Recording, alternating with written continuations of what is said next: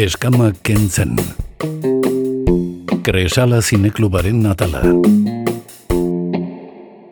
Aste artea da, entzule, badekizue aste artetan eta hasieran iragarri dugun moduan itzordua daukagula zinemarekin eta horretarako zinemari buruz hitz egiteko Kresala Zineklubeko lagunak gonbidatzen ditugu norrobe, zinemari buruz aritzeko aste artero proiektzioa izaten dute trueba zinemetan, arratsaldean eta gaur bertan trueba zinemetan proiektatuko duten pelikula baten inguruan arituko zaigu Janet Diaz, Harmonias de Workmeister. Eh, Janet, egunon, zer modu zaude? Oso, no, beti plazerra da zuekin hemen egotea. Aurrekoan okerez banago hitz egin genuen giza eskubideen zinemaldiari buruz, eta gaurkoan, ja, itzulizarete e, proiektzio arruntekin, gaur arratsaldean jarriko duzue harmoniaz de huer Workmeister e, pelikula, Ungriatik datorren pelikula, 2000 garren urtekoa da. Pelikula luzetxoa bi ordu eta gehiago irauten duena, Belatarrek eta Anez e, Aranitzki e, zuzendutakoa. Eta beti bezala galdetu behar dizut sinopsiaren inguruan. E, zer kontatzen digute autorek pelikula hontan, Janet? Ba, ez dut spoiler egingo, tengo dut labur, labur, laburki. jende animatzea saiora etortzea ze historiara ba bueno eh herri batera e, bertako Hungariako herri batera iristen dalako e, zirko ero espektakulo ambulante bat e, ba principios esaten dutena da katela e, bale erraldoi bat e, eta jendeak bizitatu ezakela balea eta gainean ba bueno hor badago pertsona misterioso bat printzea leitzen printzea hori bai deitzen dena. Eta bueno, jokoak emango du bai balea, bai printzea eta herritarrak bai. Eta zer da gehien gustatu zaizuna pelikula hontan? E, Janet, zer engantzatu zaitu? Ba, neri asko engantzatu dit, e, gaina, lehenabiziko minututik, e, iruria. Mm. E, egia esan da, bueno, ni pantalla txikian ikusi, eta gaur pantalla handian ikusteko aukera izango dut mm ikusleekin batera, eta iruria kristona da, Kristina. Ezakit ikusi ezun el tercer hombre? Ah, el tercer hombre, bai, hau ez, esan behar nizun hau ez daukadala ikusita, bai, bai. ba, neri asko gogoratu mm. pelikula ikusten ari nintzenean, asko e, burura asko etorri zitzairan pelikula hori, ez da, e, txuri betzean da, iruriak oso e, oso luzeak, e, sekuentziak, eta niri asko gustatu zitzairan, egia esan da, e, dena oso ba, motela, lasaia da, egia da, ba, momentu batean e, pertsonai berri bat agertzen da, eta horrek pixka bat e, aldatuko dula errimoa, baina irure aldetikan netzako de, e, 100 de 100. Irudia eta historia bera ere e, erakargarria egin zaizu zemen zerrenda batzuetan agertzen da hogeita bat garren mendeko pelikula honenen artean, ezakite ados zauden, e, Janet? Bai, nik uste bai, et, gaina gure artean komentatuta asko gustatzen zaigun pelikula da, ze historia oso simplea diduri, ez? Bale, erraldoi bat izten da e, herrira, eta deno jongo, mm. ba, ikusteko aukera izango dute, ez? Mm da, ba, e, notizian hemen esango dute, ba, ha venido el circo de Italia, o el mm. circo de... Eta daukazute oke ikusteko. Mm Historia hola begiatu oso simplea dago, mm simplea da, baina egia esan da, e, ba, asko komentatzen dute, eta egia da, ba, hor, betik eta horratzetik ba, badagola olako e, elementuak e, simbolo, simbolikoki ez, da, asko kesatute, ba, bale hori, ba, Hungria e, representatzen dula, mm. eta bere, ba, e, ba, pixkatez hor hiltzen dagola e, ezagutzen den e, e, Hungria, eta mm -hmm. ba, erraldoi hori ia hilda edo hilda dagona. Eta bai, e, historia hola irakurri eta prinsipioz e, bai interneten, ero bai gure e, panfletotan, ero boletinetan, oso simpleari dur eta oso normala, baina horatzetikan badu hor mamia hor komentatzeko. Segituan itzuliko gara mami horren inguruan e, hitz egiteko, e, baina tartetxo bat hartu behar dugu, janet eta kabadekizu horretarako abesti bat eskatu behar dizu dala, ze pentsatu duzu tartentarako? Ba, e, pelikularen banda soinua ekarri dut, e, bere kompositorea, bere musika, musika ipini diona da Big Mihaili, pero Mihail, ezak inoa esaten den Ungariaz, hemen izkontzak e, ikaseko ditu Kristina bai, bai, bai, martxa hontan ez daigu beste aukerarik gelditzen. Eta izenburua da, ba, luska. Uh -huh. Guazen entzutera.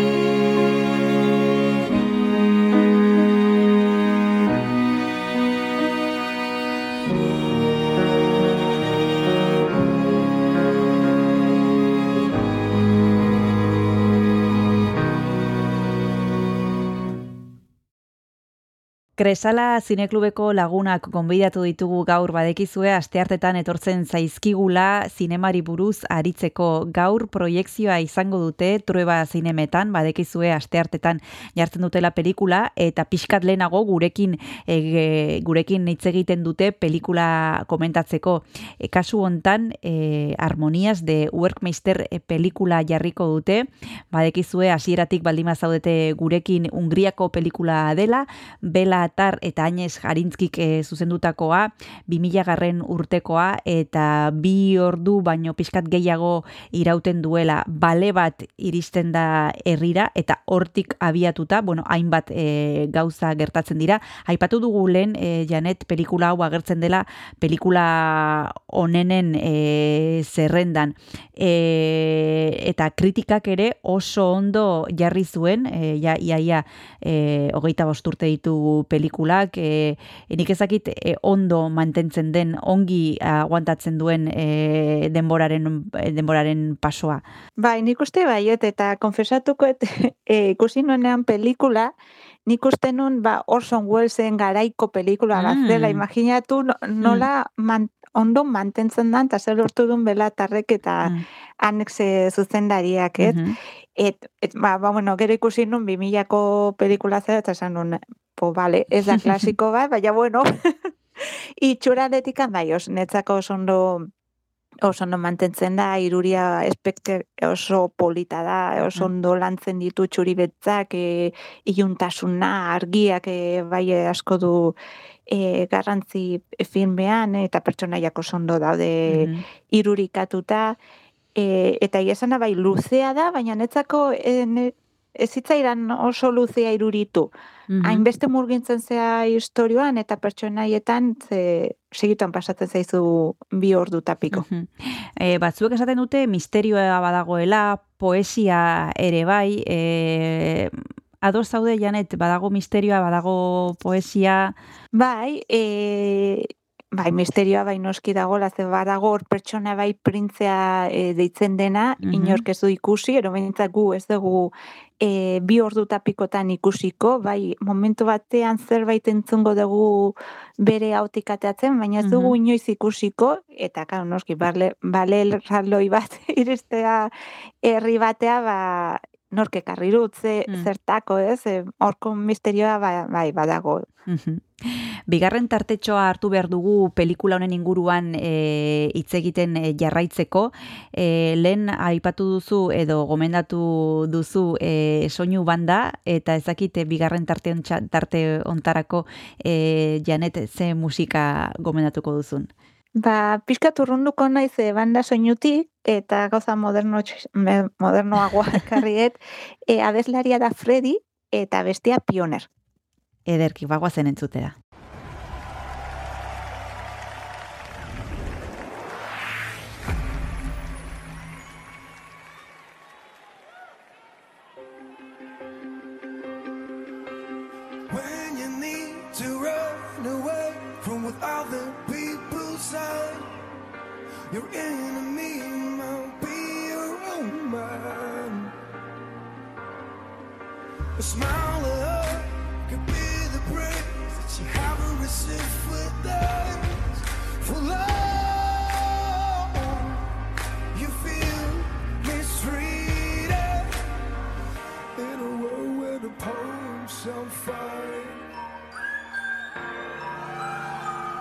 And a love is a place by your friend.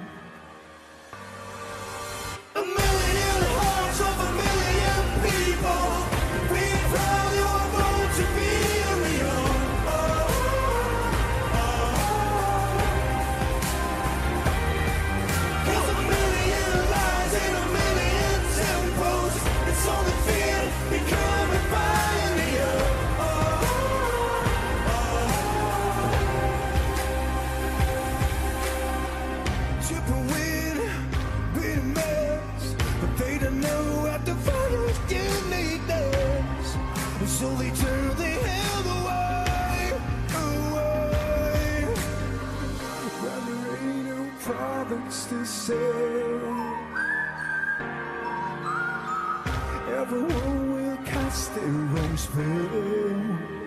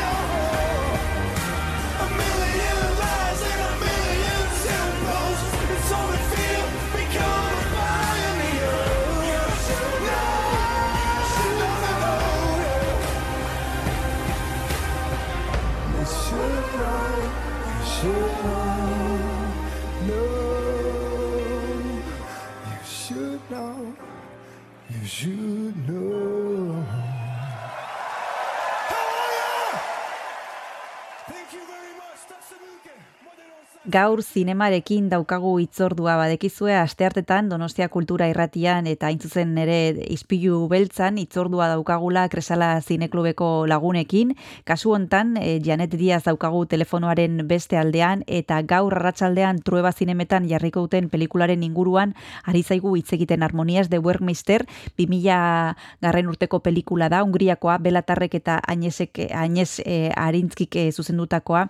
Eta nahiko nuke pixka bat e, bukatu baino lehen janet aipatzea nortzuk diren e, Belatar eta Aines Arintzkik e, Arintzki. E, mm, normalean elkarrekin e, lan egin izan duten e, zuzendariak dara, dira, bere bizitza personala ere momenturen batean e, partekatu dute. E, zer esan dezakegu e, autore hauen inguruan? Ba, nik uste e, batera asko lan egin dutela, baina nik uste e, egia esan da asko e, patzen dugunean pelikula, ero e, beraien filmografia asko esaten da belatar, ez? Mhm. Asko, Bai. nik uste e, kasu honetan asko entzuten dela Bai. belatarren izena Bai. eta ezain bestean nesen, Bai. Agnesen izena. Bai. Askotan gertatzen da, ez? Bi Mhm. zuzendari eta batek e, gehiago entzuten da, bestea baino. Baina bai, eta nik uste te, alako filmak egiten badituzte batea, eta jarraitzen balin badute alako filmak ikusten, e, esango nuke gaztelaniaz esaten den bezala, e, que el espectador se agarre la silla, ze vienen turbulencias, Mhm. ze, bai, harmonia ze ikusita e, zuzendari oso potenteak dira nietzako. Mhm. Bueno, aipatu behar dugu, e, Ungriakoak e, direla biak, e, Belatar jaio zen e, mila beratzireun da berrogeita mabosgarren urtean, e, ibilbide oso luze eta ospetsua e, egin duen zuzendaria da, e, gidoigile lanetan ere ibilitakoa, aktore bezala ere bai, eta bueno, hainbat sari lortu ditu, ba, bueno, kanesen egon da, e, beste hainbat e, sari lortu ditu, eta bidean e, bere emaztearekin, Añez Arintzkirekin e, lan, lanak egin ditu, esan behar dugu Añez Arintzki ere e, Ungriakoa dela, mila beratzirun da berrogeita basgarren urtean e, jaiotakoa dela, eta bera e, montajista, eta zuzendaria dela elkarrekin, bueno, ba, El Caballo de Turín, eh, El Hombre eh, de Londres egin ditu emakumeak, eta eh, berriro esan bezala elkarrekin Armonias de Workmeister. Beste pelikularen bat ikusi duzu eh, Belatarrena eh, Janet eh, eta Añez eh, Arintzkirena? Ba, esango dut ez, hau da nire lendabiziko eh, pelikula, eta baina, bueno, egia esan da, sartu zaite, hor gusanillo gehiago ikusteko, eta ipartu behar dut baita ere, pelikula hau, harmoniaz de work, a ber, esaten duan, no, no, workmeister, e, liburu batean oinarrituta dago, Ah. e, Laszlo Krasnajo, a ber, iz- abizen honekin ebai, a ber, Krasnajorkai, idazlearen melankolia la resistencia liburua e, liburan oinarrituta dagoen pelikularela, Mhm. osea, que dena dagor, e, ba, bueno, ne bai grina sartu zaitez, libura irakurtzeko, gaina hemen onoan dakat liburua, liburutegitik eh, ateratakoa, Mhm. Eta ba, nik gomendatuko nuke, bai pelikula ikustea, bai libura irakurtzea, eta beratarren eta Agnes e, Rantzinski e, zuzendariaren e, pelikulak ikustea. Mhm. Beti galdetzen dizuet, eh, ez dakit kasu hontan eh, egongo den zerbait, baino janet, bada, egonda zerbait ez zaizuna hainbeste gustatu pelikula hontan. Ba, zer esango dizu, Kristina, kasu honetan bai. Borobila dela. Niretzako ez dago, bai. Ea aurkitzen dugun pata ez dela inbeste borobila. Ba, bueno, principioz armoniaz bai, o, netzako oso Mm. borobilara. Bueno, oain gogoratzen, bai egia dela badagola pertsonai bat, ez, del, ez zaitela asko, asko, asko gustatu, baina bueno, Mhm. e, bere puntua ematen dio pelikulari, pertsonai, emakume bada, e, pertsonaia, e, protagonistaren familiakoa, Mhm. eta baina bueno hor egon behar du ze Hmm. zeharo aldatuko du pelikularen erritmoa eta e, ba erroratze bueno nola erroratua dagoen modua ebai así que Mhm. esango dugu borobila dela. bueno, pelikula borobila hau zeinentzat da, Janete, zeini gomendatuko zenioke? Ba, amabi amairu urteko gaztei agian ez, baina mezortzi urtetik gorakoei bai e, bereziki ze oso hainbat gai ditu horratzean e, potente eta gaina bi ordu hor e, intenso hor begiatzen e, ba, herriaren historia, eta bueno, nola ikusiko baita ere, ba, nola kon- e, herriak hartuko duen bale, balea bere plazan, eta nik uste temezortziti urtetik orakoei ba, nahirunak, barakin Mhm. nun gauden. Eta esan bezala beti esaten dugu eta beti azpamir, azpimarratzen dugu proiekzioaren ondoren e, solasaldia egongo da. Kasu hontan nork gidatuko du, Janet? Ba, oraingoan ez dakit denbora ukiko dugun e, solasali okitzeko, ze pelikula esan bezala oso luzea da, egun meretzi minutu e, ditu. Ados. Eta gaurkoan gaina e, oso saio bereziara, ze aurkezpenean e, ez naiz ni egongo, ez da Mhm. Paul, ez da Pedro ero beste kire bat, Mhm. baizik eta Nacho egongo da, Nacho orain dela urte desente, ero bueno, e, saio desente gurekin izan zan, e, Kresalan zineklubeko kide bezala, Mhm. Eta gaurkoan berari, berak aurkeztuko du pelikula. Ederki, ba, sorpresa honekin uzten zaituztegu, badekizue arratsalde hontan, arratsaldeko zazpi terdietan okerez banago, e, Harmonias de Workmeister pelikula jarriko dute Kresala Zineklubeko lagunek, trueba zinemetan izango da, e, eta eskerrik asko, Janet beste behin izpilu beltzara urbiltzeagatik, e, urrengora arte bezarkada bat. Besarkara. Eskama kentzen. Kresala zineklubaren atala.